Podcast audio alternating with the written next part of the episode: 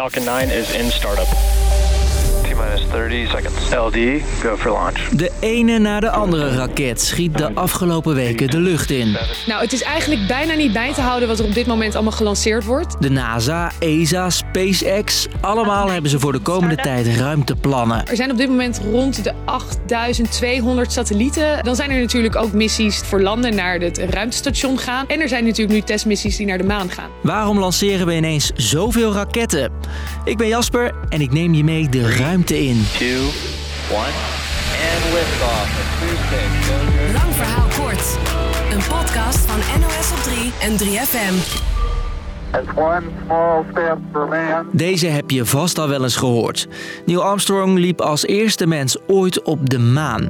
Nu wil NASA in 2025 voor het eerst een vrouw en een man van kleur naar de maan sturen. It's been more than a half century since astronauts journeyed to the moon.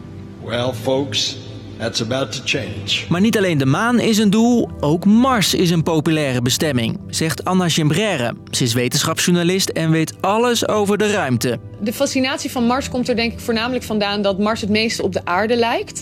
Eh, Mars is ook onze buurplaneet, dus die is, die is het makkelijkst te bereiken.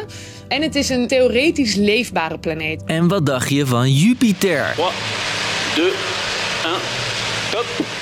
Vorige week lanceerde de Europese ruimtevaartorganisatie hun Jupiter Icy Moon Explorer, oftewel JUICE. JUICE is een, een missie van eh, ESA naar de eh, manen van Jupiter. En, en Jupiter heeft een heleboel manen, maar er zijn er een aantal waarvan wetenschappers verwachten dat er misschien iets van leven mogelijk zou kunnen zijn. JUICE is een raket zonder mensen aan boord. Nou ja, heel eerlijk gezegd vind ik de onbemande missies eh, belangrijker dan de bemande missies. Zo worden er ook een heleboel satellieten de ruimte ingestuurd. Die in de gaten houden bijvoorbeeld hoe het weer zich ontwikkelt, hoe de bossen intact blijven of niet, of het water stijgt. En dat zijn eigenlijk de satellieten waar we in ons dagelijks leven eh, het meest aan hebben. En waar we volgens mij ook eh, het meest van kunnen leren.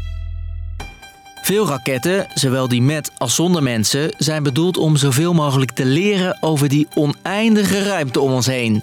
Maar, zegt Anna, De ruimte is, is naast wetenschappelijk onderzoek toch ook weer een manier om te laten zien hoe, hoe goed je bent in het eh, bedrijf van wetenschap en hoe ver je technologisch bent. Dus het straalt ook een soort macht uit. en daar zijn niet alleen landen in geïnteresseerd. I can't think of any experience that anyone's going to have in their life that will be more wonderful, extreme than going to space. Ook verschillende commerciële bedrijven willen de ruimte veroveren, zodat jij in de toekomst misschien wel op vakantie kan naar de maan of zelfs Mars. Goed plan, Anna? Nee, er wordt absoluut geen perfecte vakantieplaneet. Nee, je moet niet verwachten dat dat een, eh, een vervanging voor de aarde wordt of, of een plek waar we makkelijk iets kunnen opbouwen. Toch heeft Elon Musk grote plannen met zijn nieuwste Starship-raket. Daarmee wil hij honderden mensen vervoeren. In eerste instantie in een baan om de aarde, vervolgens naar de maan. Eh, hij wil ook kunnen landen op de maan. En de maan is voor hem eigenlijk weer een, een testcase voor eh, de vluchten naar Mars. En met al die bedrijven en partijen die allemaal hun raketten de lucht in willen, lijkt het drukker dan ooit in het Naast die missies naar de maan is er ook een soort ruimtewedloop aan het plaatsvinden. Ten eerste tussen China en de Verenigde Staten, maar ten tweede tussen die commerciële partijen. Dus daardoor voel je nu denk ik ook meer dat er heel veel dingen de, de ruimte ingaan dan vroeger.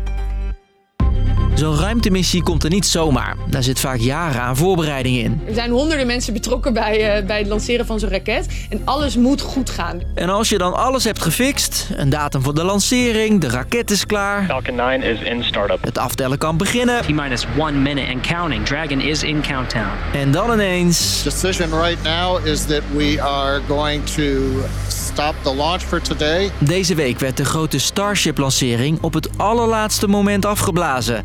En dat gebeurt vaker volgens Anna. Dat kan te maken hebben met een technische storing, dus gewoon iets dat, dat de computer zegt van oh, daar gaat hier iets fout. Ook het weer moet meezitten. Zie je ook heel vaak dat als het weer te slecht is, dan, dan blazen ze het ook af. En heel soms gaat de lancering helemaal mis. It appears we've experienced an anomaly with today's flight. This was unplanned and we don't have any details yet. Gebeurde vorig jaar bij een raket van Blue Origin. Die stortte één minuut na de lancering zo'n 8 kilometer naar beneden. Gelukkig wel zonder mensen aan boord. Dus, lang verhaal kort. Dit jaar schiet de ene na de andere raket de lucht in. Voor onderzoek, maar het is ook een manier voor landen om weer hun macht te laten zien. En nu ook bedrijven de ruimte willen veroveren, wordt het drukker en drukker in het heelal. Al is zo'n lancering nog niet zo makkelijk gefixt. Was de podcast weer en uh, maak maar vast wat ruimte in je app. Everything's looking good for launch. Nou, top. Lanceren we morgen weer een nieuwe aflevering. Doei!